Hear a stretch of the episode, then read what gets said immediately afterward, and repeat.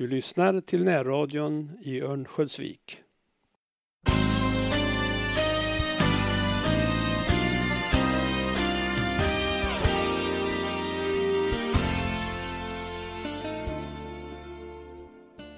Välkommen till radion Olaskogs och Semesterpratarna. Vi sänder varje dag under juli och augusti klockan 7, 9, 16 och 21 på frekvenserna 89,8 eller 105,7 MHz. Du kan också lyssna i efterhand på samtliga tidigare program via poddradion. Den, liksom vår app, hittar du på vår hemsida www.radioovik.se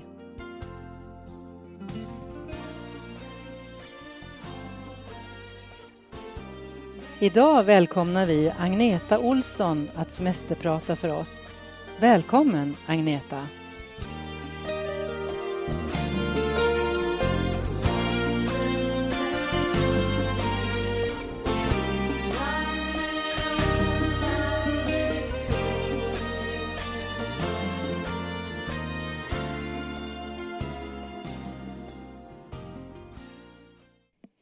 Jag heter Agneta Olsson och jag är sångerska i dansbandet Tor Görans och i min och Peters egen solokonstellation som heter Agneta och Peter. Ni ska få följa med mig på en eh, musikalisk resa idag. Ni ska få veta vad som hänt alldeles från början och jag ska spela en himla massa bra musik. Så sitt kvar, lyssna och följ med mig och programmet börjar nu. Jag vill bara säga välkommen.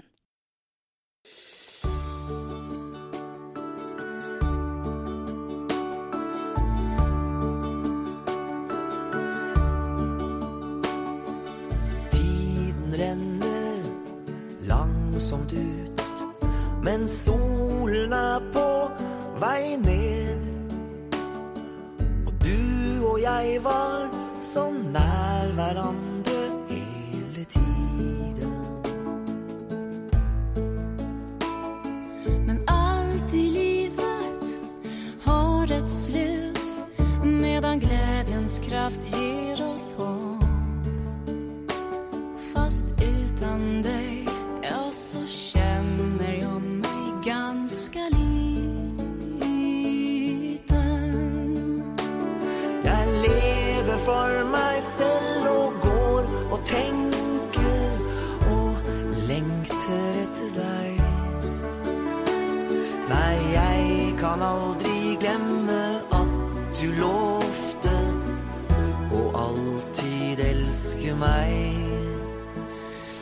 Glädjen kommer.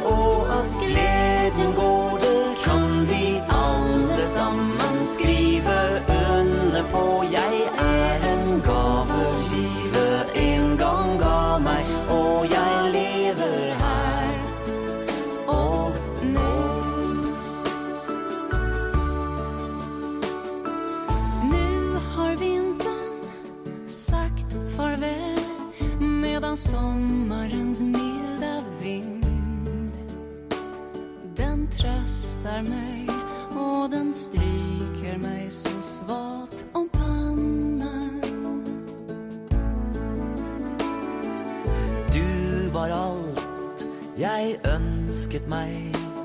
Det var godt å endelig bli din. Hvor ble det av alt det vakre som vi hadde sammen? Jag lever för mig själv och går och tänker och Lengter etter deg. Nei, jeg kan aldri glemme at du lovte å alltid elske meg. At gleden kommer og at gleden går, det kan vi alle sammen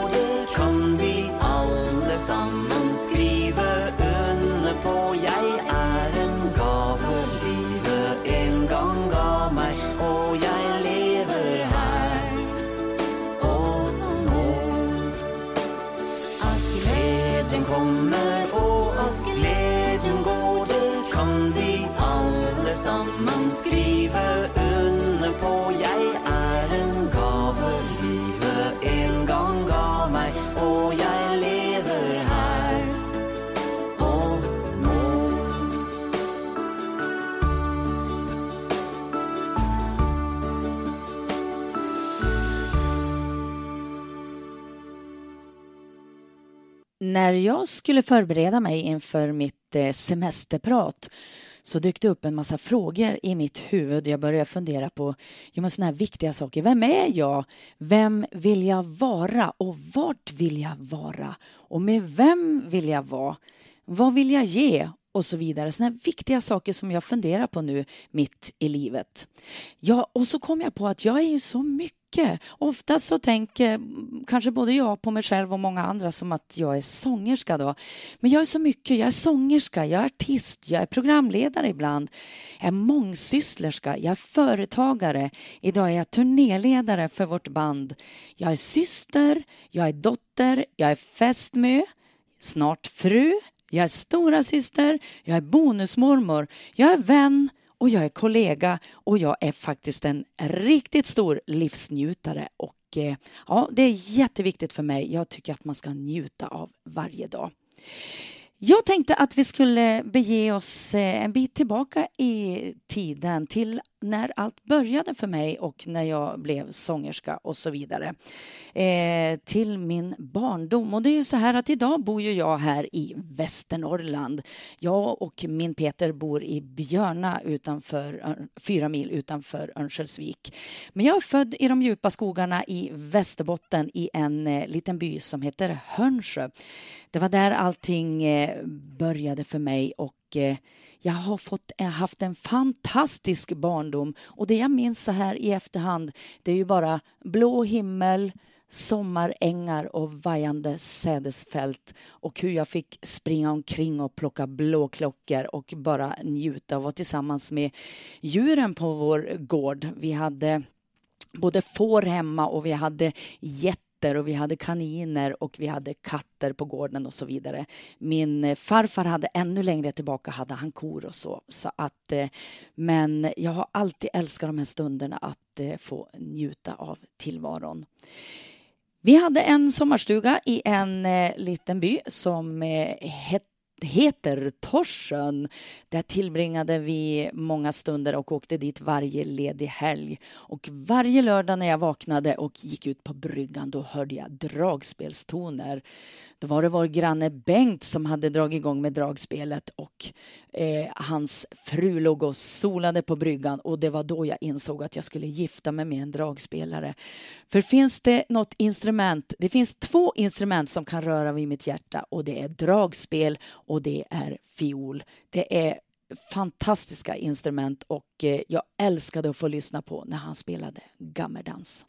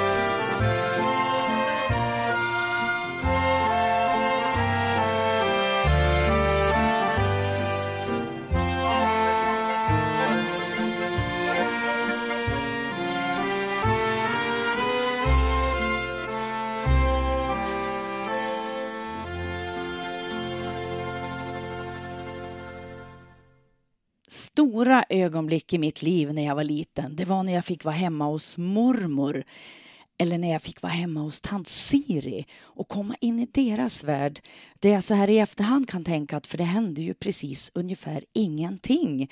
Jag var där med dem. Antingen var jag hos mormor eller Siri då och hemma hos Siri då brukar jag få sitta i hennes kökssoffa. Hon fick året runt en gång i veckan Eh, jag brukar sitta i hennes kökssoffa och läsa och betrakta. Jag tycker, tyckte fortfarande, och även då om att sitta och titta på människor.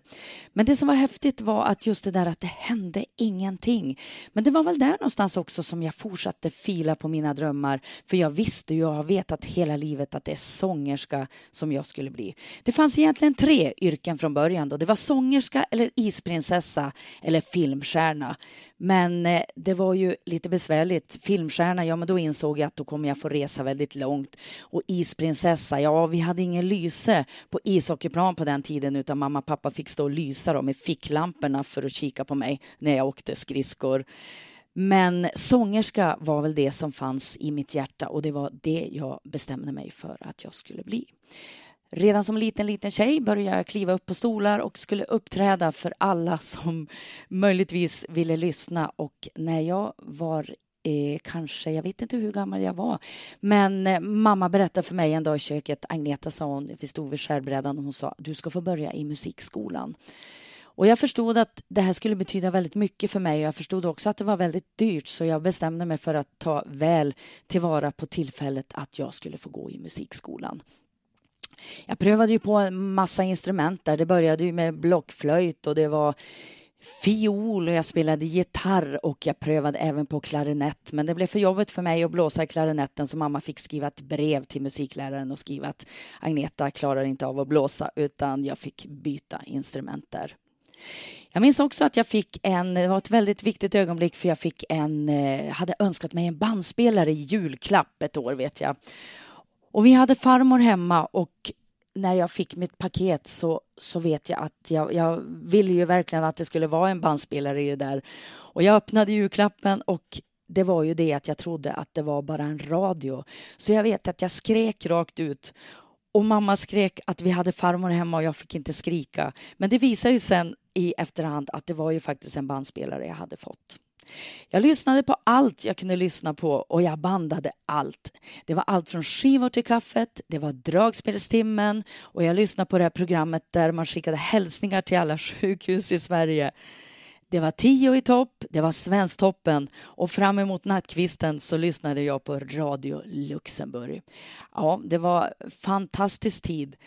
När det gäller slagerfestivalen också så vet jag att jag kunde alla slagelåtar, jag kunde alla texterna, jag kunde alla år, jag kunde placeringarna. Och när ABBA vann 1974 i Brighton, då var det en ung fröken Agneta som stod och hoppade i slalompjäxorna hemma hos min kompis som också hette Agneta i byn, grannbyn Torrböle.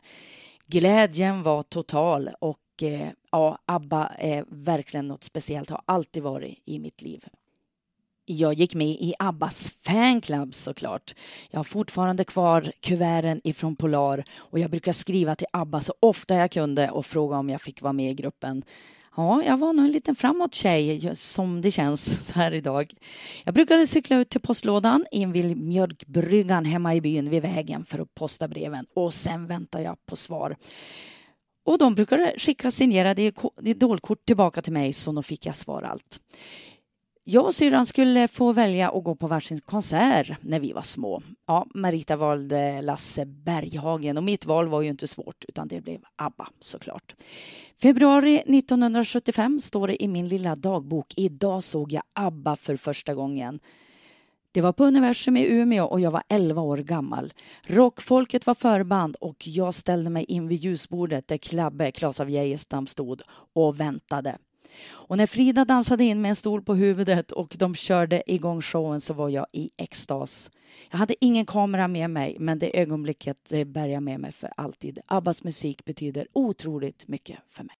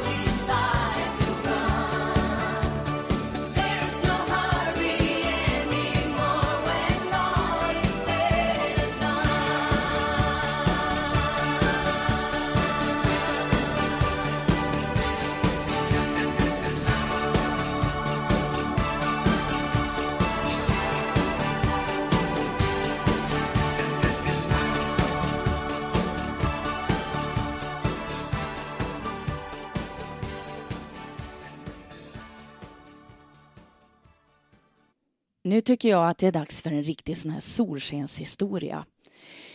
Jag är ju född i en familj där jag var ensam som höll på med musik. Mamma och pappa var ju ute och dansade och så här. Och, eh, men ingen har liksom hållit på med musik så jag var ju lite ensam eftersom jag hade ju denna längtan. Jag ville bli sångerska, jag ville spela, och jag ville sjunga, jag ville hålla på med det här. Så det har inte varit så enkel resa för mig. Jag brukar, när jag då spelade fiol så brukade jag springa in i köket när vi hade främmande och så spelade jag för brinnande livet tills jag åkte ut och så spelade jag igen och så där höll jag på. Eh, då träffade jag en person i mitt liv som eh, kom att betyda väldigt mycket för mig. Det var så här att eh, jag fick ju som sagt var börja gå den eh, kommunala musikskolan och vi hade en musiklärare i skolan som hette Erik. Jag skrev min första låt när jag var tio år gammal. Jag berättade för Erik att eh, Erik, jag har eh, skrivit en låt. Och eh, han lyssnade på den och Sen vet jag ändå att han sa till mig att Agneta, ställ dig på golvet och sjung för mig, sa han. Nej, jag vågar inte, sa jag. Det går inte. Jo, men ställ dig på golvet. Jag vill att du går ut på golvet och sjung för mig. Nej, men jag var ju blyg och jag, jag vågade inte.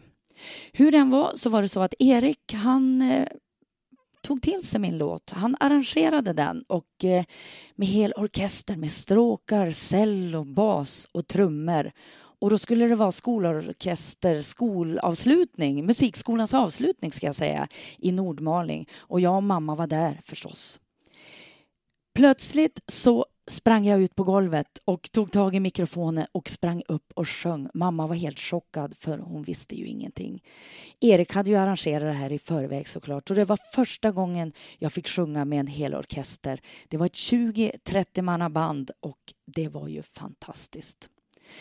Jag har tänkt så mycket på Erik genom åren för han betydde så otroligt mycket för mig i starten. Han var den första som såg mig. Han var den första som förstod att jag var en speleman. Han var den första som förstod att det här var ett kall för mig, att jag ville bli sångerska och han hjälpte mig vidare. Han gav utav sin tid till mig.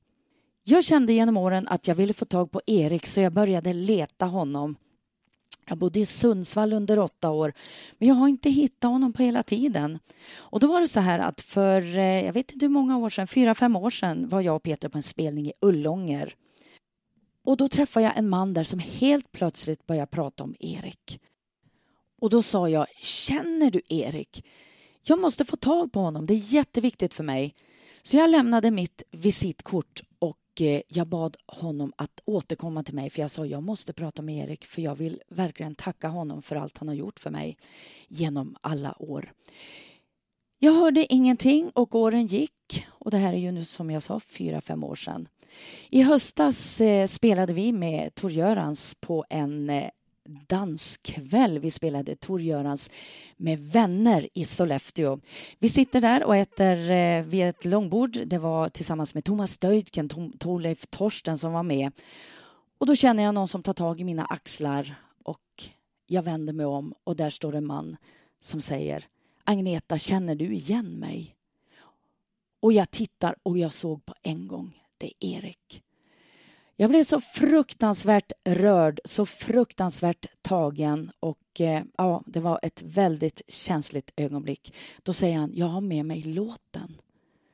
Har du med dig låten, sa jag. jag. Jag förstod inte först vad han pratade om. Då visade sig att Erik hade sparat min låt i över 40 år som jag skrev när jag var en liten, liten flicka. Ja, eh, en verklig solskenshistoria. Eh, jag hade ju funderat i alla år hur jag skulle presentera mig den dag jag skulle få tag på Erik. Jag tänkte att jag kanske presenterar mig och talar om vilka mamma och pappa är eller vilken färg det var på huset där vi bodde bredvid skolan eller hur, hur jag nu skulle bära mig åt. Och så visste han vem jag var. Eh, jag blev väldigt, väldigt tagen.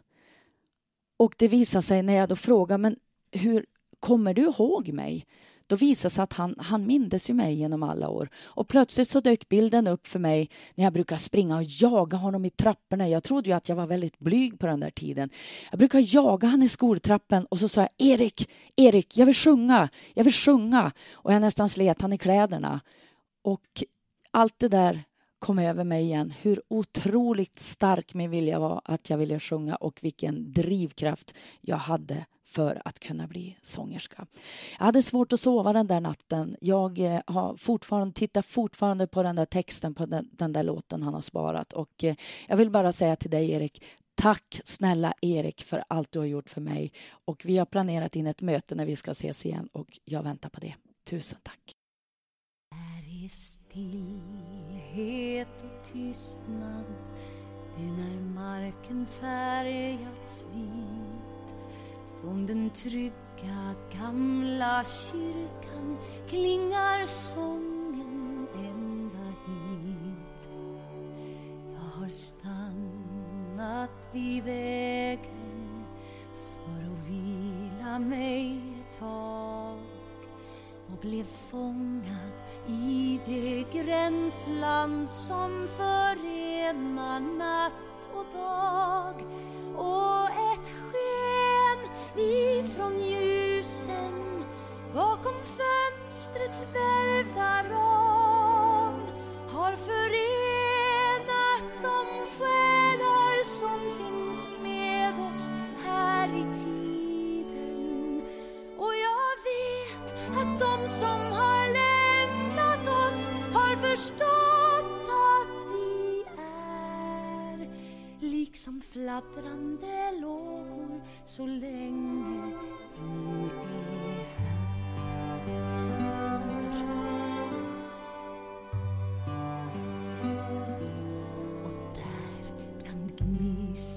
Gnistrande stjärnor som förbleknar en och en kommer livet väldigt nära som en skymt av sanningen. Vi är fångar i tiden som ett avtryck av en hand på ett frostigt fönster som fått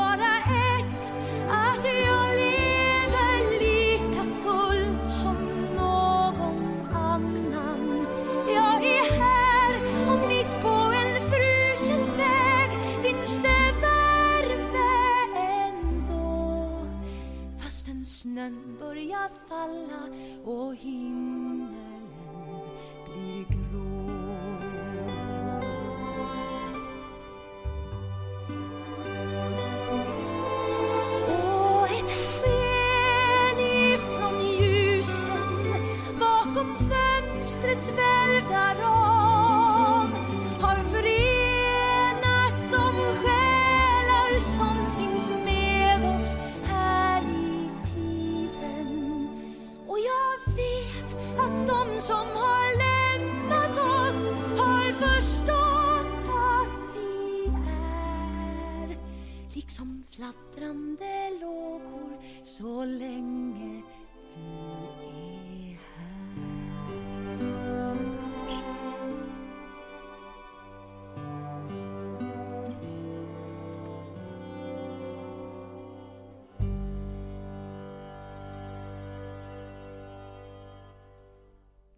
Jag heter Agneta Olsson och jag semesterpratar idag i Radio Nola Skogs. Mitt yrkesliv började väldigt tidigt. Jag har jobbat väldigt, väldigt mycket genom hela mitt liv därför att jag har tyckt att det har varit så roligt. Jag har haft ett fantastiskt yrkesliv. Jag var bara 11 år när jag fick börja prismärka. Jag hade en farbror i Nordmaling som hette Ulf Liljedal. Han och hans bröder hade ICA-affären Bröderna Liljedal så jag fick vara där och prismärka och jag tyckte att det var så roligt.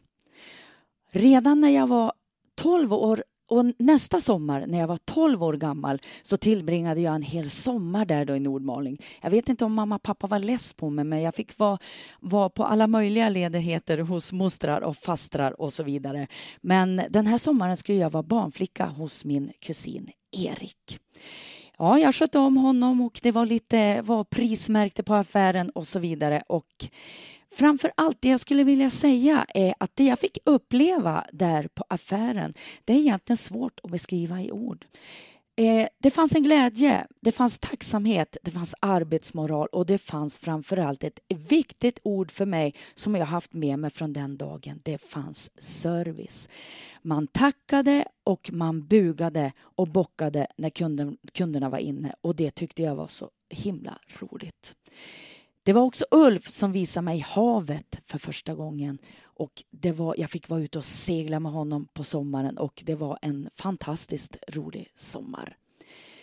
Jag fortsatte sen jobba. Nästa vinter så jobbade jag alla lov och då var jag på affären hemma i Hörnsjö, hemma i min hemby då, och då hette det Stens Livs. Och det var samma sak där. Sten var en fantastisk människa som också hade samma nyckelord där service och där man bugade och bockade var det som var viktigt och där man var verkligt mån om kunderna. Det var att där skulle golvet skuras morgon och kväll och det skulle vara trevligt och trivsamt för kunderna när de kom. Och jag fick lära mig så otroligt mycket. Under min tid i Nordmaling så var det så att eh, jag hade min kusin där som hette Björn. Han hade en jättefin skivsamling och jag vet att han var några år äldre än mig och han var mycket noga. Han sa till mig att när han gick ut och han såg att jag satt och kikade på, på hans skivsamling så sa han peta inte, rör inte skivorna. Men så fort han gick ut genom dörren så var jag där och bläddrade i skivorna allt vad jag hann. Och det var i den högen som jag hittade Yellow Brick Road-skivan. Det blev omedelbar kärlek och jag hittade Elton John. Förlåt Björn, men jag kunde bara inte motstå.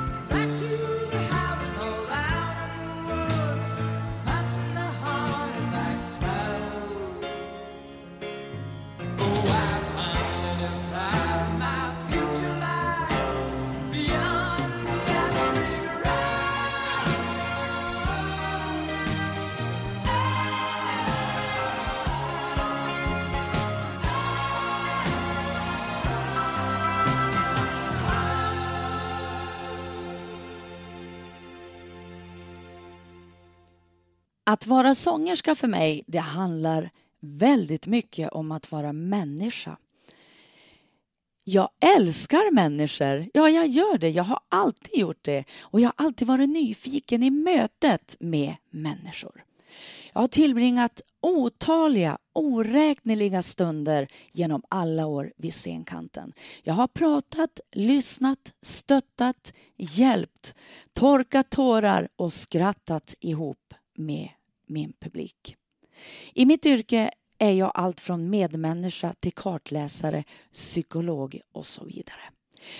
Jag brukar få höra en människas livshistoria. Den kan jag få höra på fem minuter. Och Det är ju sånt här som jag och Peter också ibland plockar upp och skriver låtar utav.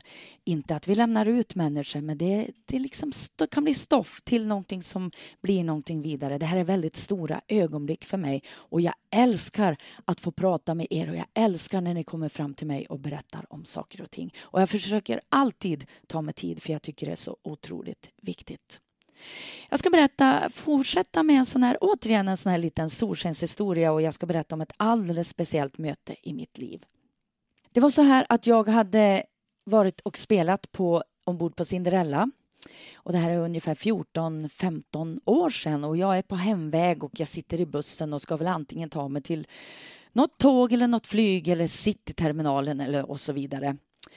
Jag sitter ensam i bussen, platsen bredvid mig är tom och eh, jag tittar ut och jag ser en samling människor utanför den där eh, bussen. Och jag tittar särskilt på en kvinna och jag har en väldigt stark intuition så jag visste att hon skulle komma och sätta sig bredvid mig.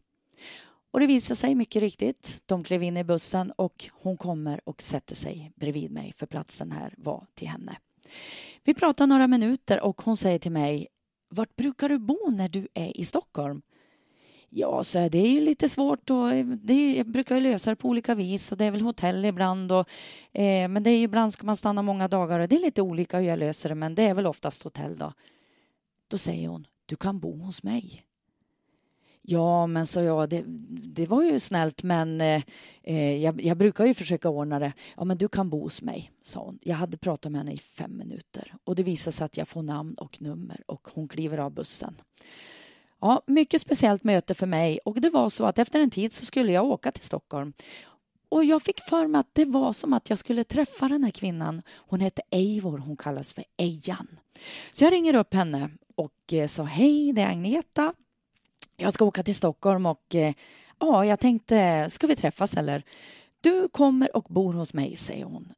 Ja, så vi bestämde hur det var att jag skulle komma till henne och eh, träffa henne och sova hos henne och jag tänkte jag gör det. När jag är på väg och när jag drar min väska upp för backen till hennes lägenhet så tänker jag jag är nog inte riktigt klok. Här är jag på väg till en vilt främmande människa som jag har träffat i fem minuter. Men okej, okay, nu är det så här. Jag ringer en stund senare på hennes dörr. Hon öppnar och hon säger Hej Agneta, välkommen. Nu ska vi dricka en, knäcka en flaska rött vin här, du och jag, sa hon. Jag kom in till hennes kök. Hon hade dukat fram fint. Hon hade snittar med ädelost, hon hade avokado och hon hade ett massa smågott på bordet. Där sitter jag mitt i natten med en människa som jag inte känner, som är dubbelt så gammal som jag. Hon var drygt 80 år när det här hände. Vi pratade om livet hela natten och vi delade tankar i natten och det var en fantastisk stund. Vi satt uppe länge. Jag fick ett eget rum hos henne. Det var som att kliva in i 40-50-talet jag fick såna här svandunstofflor och jag fick sån här rutad morgonrock. Hon hade högtalare med musik så jag kunde spela musik i mitt eget rum. Och då säger Eivor, Ejan till mig, jag tycker det är så roligt att ha dig här. Vet du, son, alla mina vänner, de är döda eller sjuka. Och jag är så otroligt glad att ha dig här. Det visade sig att vi hade väldigt mycket gemensamt. Eivor hade jobbat på ett stort skivbolag i Stockholm. Hon kände Tore Skogman och en massa, massa kändisar. Vi pratade och jag blev kvar i två hela dagar och vi pratade konstant. Ejan fick en plats i mitt hjärta och jag tror att jag fastnade i hennes. Innan jag skulle åka så ville hon ge mig presenter och jag ville inte alls ha presenter men hon, jag fick en musikbok och jag fick med mig någon annan liten grej. Och hon hade en guldfärgad sjal som hon ville att vi skulle ha tillsammans. Hon tog tag i den längst upp och hon delade på den. Hon rev den mitt i tu och hon gav den till mig. Hon sa, jag vill att vi ska ha den tillsammans. Så det här är din och det här är min. Och det otroliga är att när jag idag lyfter fram den ur garderoben så är den hel. Den är inte delad längre. Men jag har den tillsammans med Eivor och Eivor har en väldigt fin plats i mitt hjärta. Och om du ser mig Eivor så vinkar jag till dig. Jag vet inte om du finns kvar idag. Jag har inte kontakt med dig längre. Men om du ser mig eller om du finns där uppe så vinkar jag till dig. Hej hej Eivor!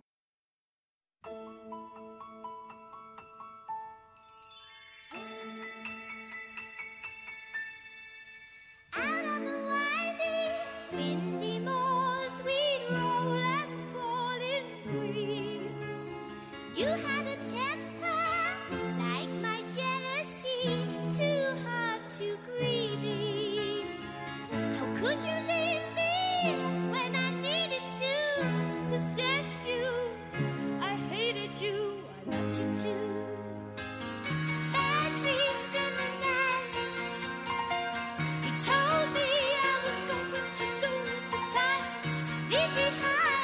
Jag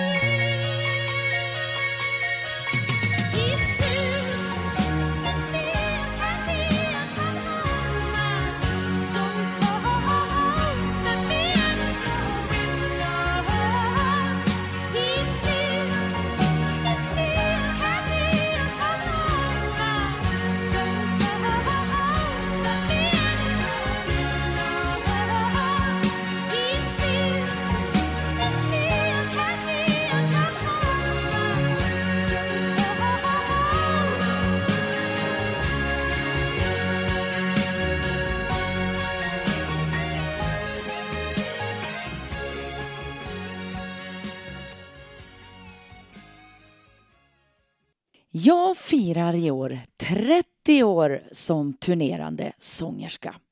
Och jag är idag Sveriges äldsta riksturnerande dansbandssångerska med Norden som arbetsfält. Det påminner jag mig om precis varenda kväll eller vid varje uppträdande att jag fortfarande står kvar. Och att jag fortfarande har fantastiskt roligt. Jag får jobba med det jag tycker är allra roligast av allt. Jag är oerhört stolt och oerhört tacksam att jag får göra det. Lyckan i mitt jobb är förstås att jag också kan pendla mellan olika roller. Mitt yrke består av en mångsidighet som är fantastisk. Ena dagen står jag på scenen. Nästa dag kanske jag sitter i bussen på väg till en turné. Och nästa dag står jag i skivstudion Och nästa dag kanske jag sitter på kontoret och har en massa papper att ta hand om. Så det tycker jag är så roligt att jag kan pendla mellan alla de här rollerna. Men jag har också kämpat med en sjukdom som har bråkat i min kropp hela livet och ställt till stora problem för mig. Därför är jag ännu mer stolt då jag ej heller på något endaste vis har premierats eller fått någon endaste uppskattning av min bransch där jag jobbar. Inga priser, inga pokaler, inga utmärkelser och inga statyetter som jag kan ställa på några hyllor. Men jag är norrländska och jag vet också om sedan många, många år tillbaka att man ligger redan i underläge när man bor här uppe. Man strör inte med priser upp till Norrland och vi som bor här, vi slåss inte på samma villkor.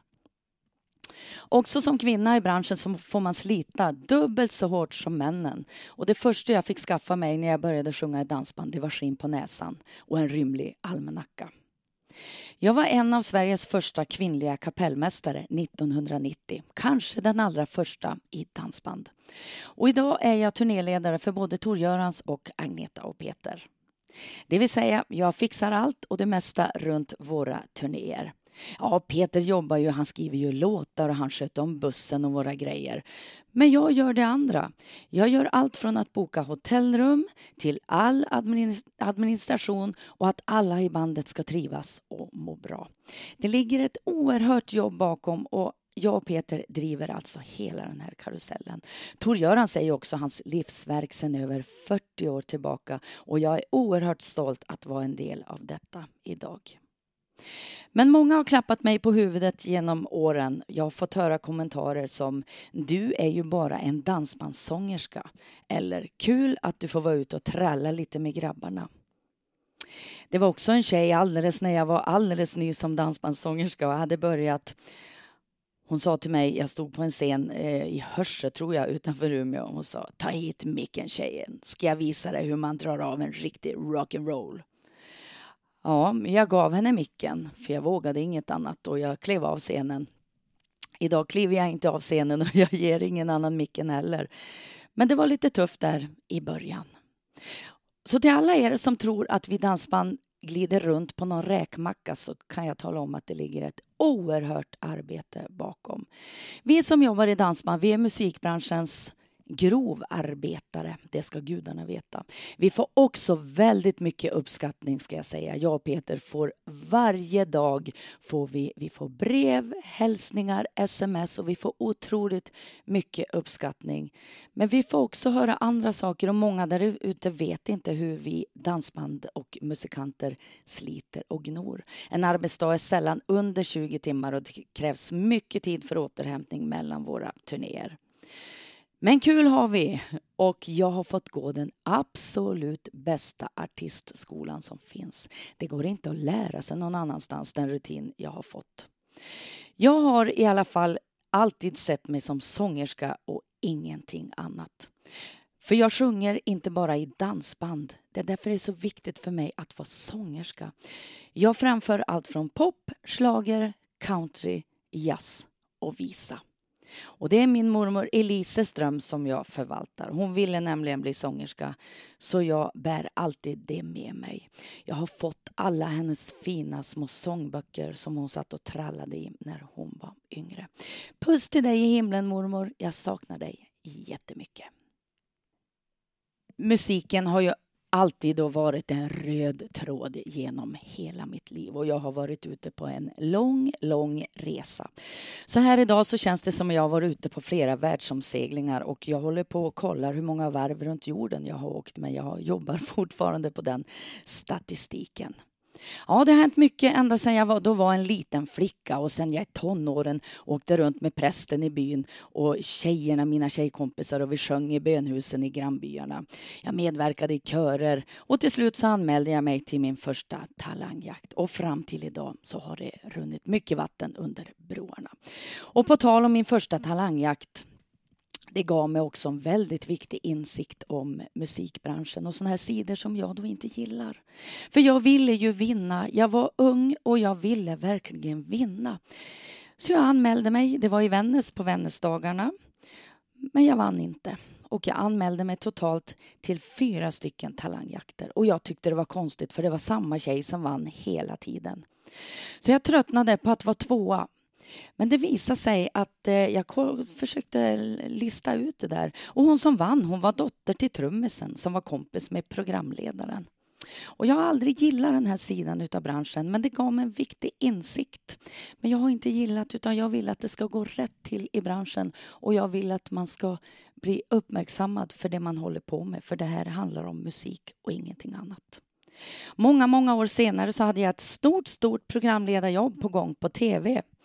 Det gick väldigt långt. Jag blev uppringd av både Expressen och Aftonbladet och jag blev uppringd av producenten på TV3. Jag hade en mellanhand som jag eh, pratade med och eh, han ville ju ha någonting annat ut, utav mig så han erbjöd mig miljonbelopp, stora, stora pengar.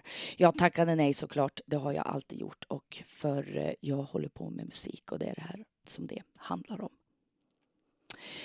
Jag jobbade vidare i mitt liv. Jag jobbade som telefonist och jag jobbade som en massa, massa saker.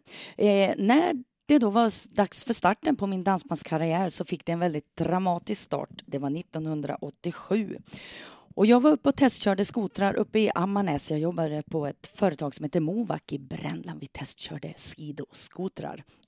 Jag råkade köra i ett gupp på fjället. Jag blev kastad rakt upp i luften och jag landade rakt ner i rutan och jag bröt mitt bröstben. Det var inte roligt. Det gjorde att jag hamnade på en stol hemma för jag fick inte ligga ner. Jag var tvungen att sitta och jag hade fruktansvärt ont.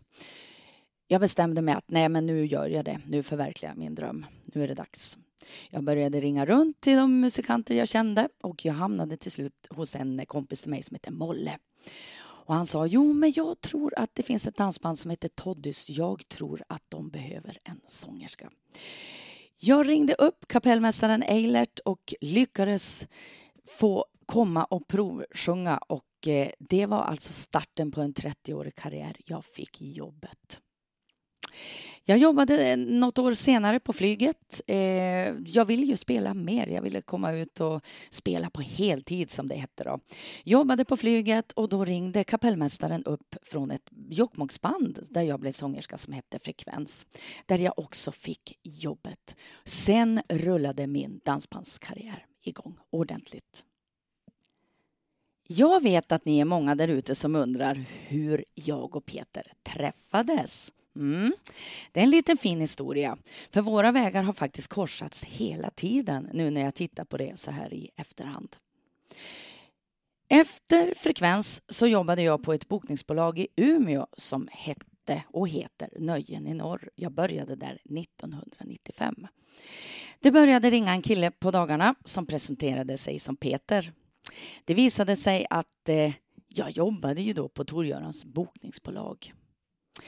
Det ledde till att jag började gästsjunga med bandet på danskvällar och jag gästsjöng på en stor dansgala i Umeå tillsammans med både Lotta Engbergs, Sten och Stanley och så var det vi, Tor Görans och ett finskt band. Men det visade sig ju att vi hade sett varann många gånger tidigare, jag och Peter. Mm. Vi var fyra tjejer. Det var jag och syrran och två tjejer till hemifrån min hemby som brukade åka ut och dansa och vi lyssnade ofta på Tor Görans. Vi var ju på danser i Långviksmon, vi var i Trehörningsjö och vi var alltid fram och kika på dem. Ja, vi var ju ofta inne på den moderna banan men vi skulle ändå in och titta på dem. Det var ju så. Men Peter såg aldrig mig då. Men han hade sett mig då på en dansbandsaffisch i Luleå där runt 1990. Han och Nisse gick på dans jag var sångerska i Frekvens och Peter dansade förbi. Han log och han sa hej. Och jag tittade tillbaka och tänkte nu är de där storfräsarna här. Så jag hejade tillbaka. Ja, 1990. Sen gick det alltså fem år innan jag började jobba på deras bokningsbolag. Efter Dansgalan i Umeå så blev jag tillfrågad att gästsjunga tillsammans med dem på Café Norrköping hos Ragnar Dahlberg i TV2. Det var min tv-debut och jag gästsjöng tillsammans med bandet. Mycket trevligt. Efter det det var ju så här att eh, jag och Tor Jörns hade ju då haft ett samarbete under ett antal månader där. Men deras skivbolagsdirektör, han var lite trögjobbad på den tiden och han hade satsat stora, stora pengar på bandet. Och var jag mitt i ett skivsläpp och han var liksom inte intresserad av att jag skulle kliva in i det där. Så efter Café Norrköping ringde Martinez och frågade om jag var intresserad av att börja med dem. Och jag valde, jag hoppade på det tåget. Det blev fem, fem framgångsrika år tillsammans med bandet. Svensktoppslåtar, skivsläpp, skivkontrakt hos Bert Karlsson i Skara och så vidare och det var väldigt roliga år. Men mina och Peters vägar fortsatte att korsas hela tiden. Så var det inte så att Tor-Göran slog bakom Martinezbussen så var det tvärtom. Vi möttes på parkeringar och vi möttes på danskvällar och dansgalor och så vidare. Och när vi träffades, jag och Peter, så var det så att vi kände igen oss i varann. Vi var två spelemän, vi hade samma bakgrund. Vi började med fiol och dragspel och gammeldans. Vi kom från varsin by och vi hade stora drömmar och stora visioner när det gäller musik. Och jag vill säga Peter, denna fantastiska man, han har varit den ivrigaste mannen att vinna mitt hjärta och han är mitt livs stora, stora kärlek.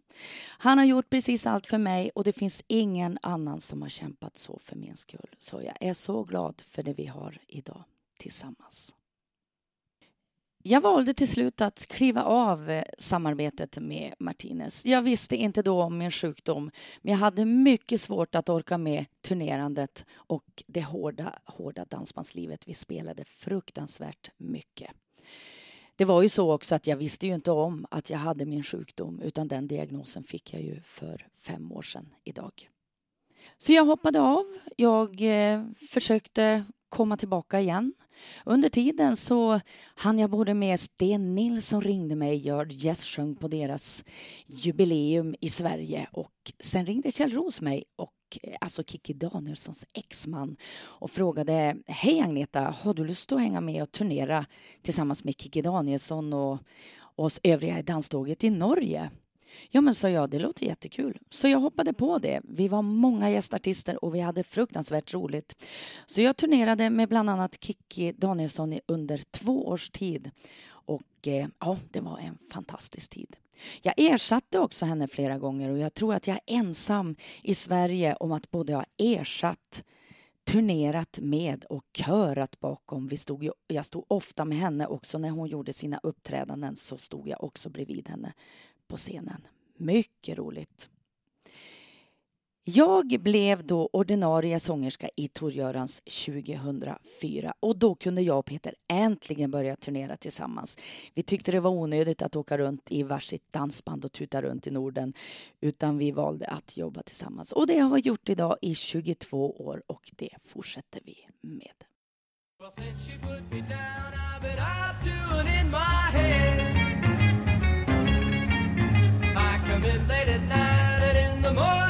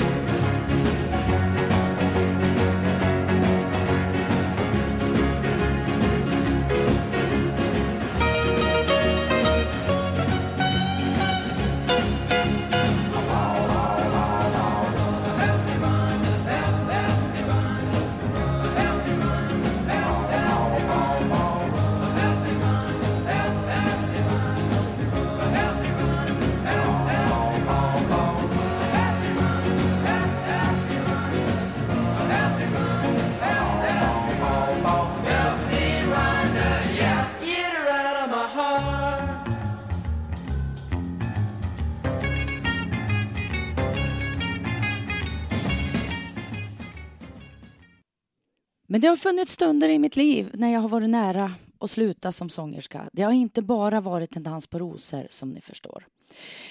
När scengolvet brakade när jag stod på Trollnatta i Järkvissle år 2012 då var det väldigt nära att jag skulle sluta för alltid. För det var det precis det värsta jag har varit med om. Ja, plankan under mitt ena ben brakade. Scengolvet hade ruttnat upp underifrån och det var en gammal lagning precis där jag stod och jag och Peter var inne på vårt finalnummer för kvällen när golvet gav vika. Jag kilades fast i sänggolvet, mitt ben svällde fast och folk ur publiken rusade upp för att slita lös mig och de förstod inte att jag satt fast i golvet. Så jag blev fastsliten med ett ben sittandes i golvet och eh, men benet höll. Men jag blev fruktansvärt sjuk efter det här och drömde mardrömmar och fick söka hjälp och så vidare och mådde fruktansvärt dåligt. Men eh, jag råkar ju älska det här så jag blev kvar. Eh, min sjukdom också som har bråkat och stökat i min kropp har varit jobbigt för mig men nu mår jag mycket, mycket bättre. Jag medicinerar, ska jag säga. Jag äter ju naturmedicin. Jag håller också på att skriva en bok om min resa som jag har varit ute på och ska jag vara riktigt ärlig så känner jag mig faktiskt i mitt livs form idag när jag nu ska fira mina 30 år som sångerska. Jag och Peter driver idag då vårt dansband. Vi står på de största dansbandsscenerna i Norden och jag och Peter uppträder som Agneta och Peter på alla möjliga musikevenemang runt om i Sverige, Norge, Finland.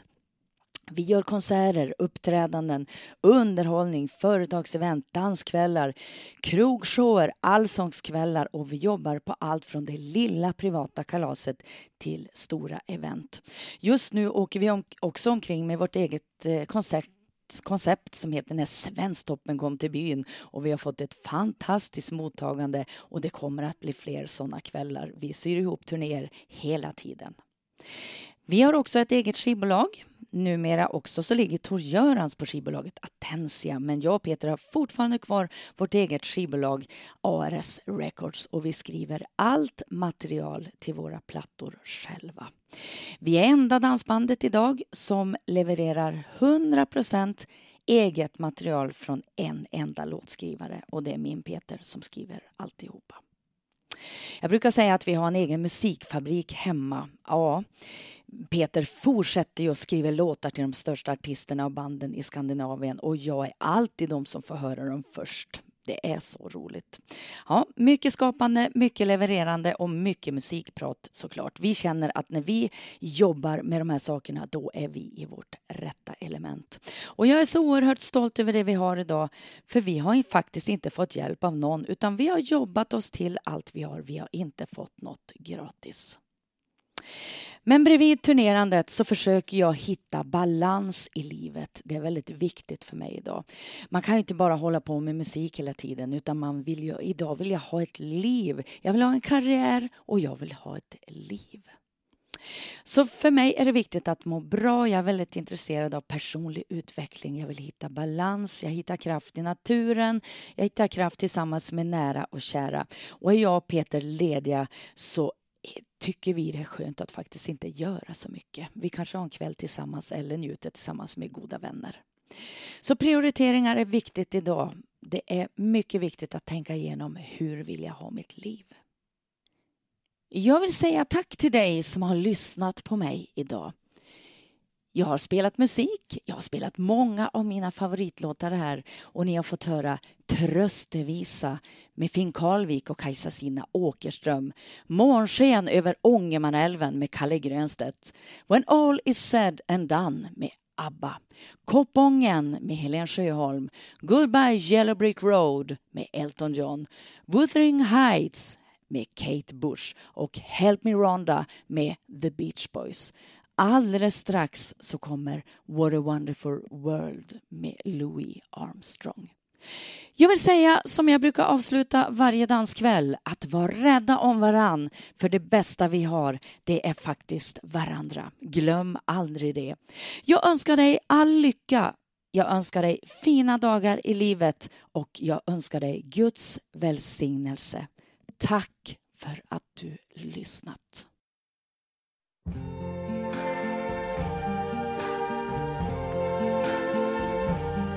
I see trees of green,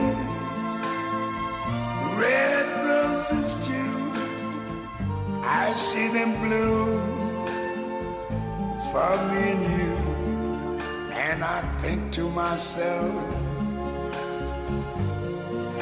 what a wonderful world.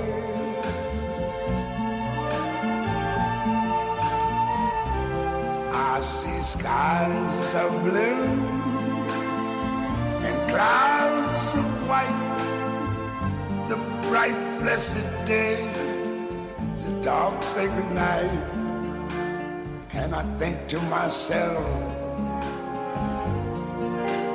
what a wonderful world.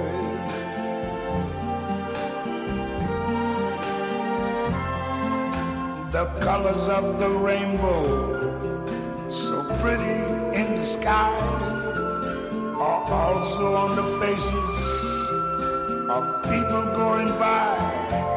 I see friends shaking hands, saying, How do you do? They're really saying, I love you. I hear babies cry.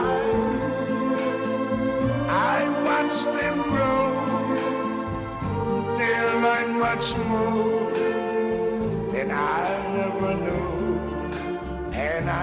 to myself, what a wonderful world. Yes, I think to myself,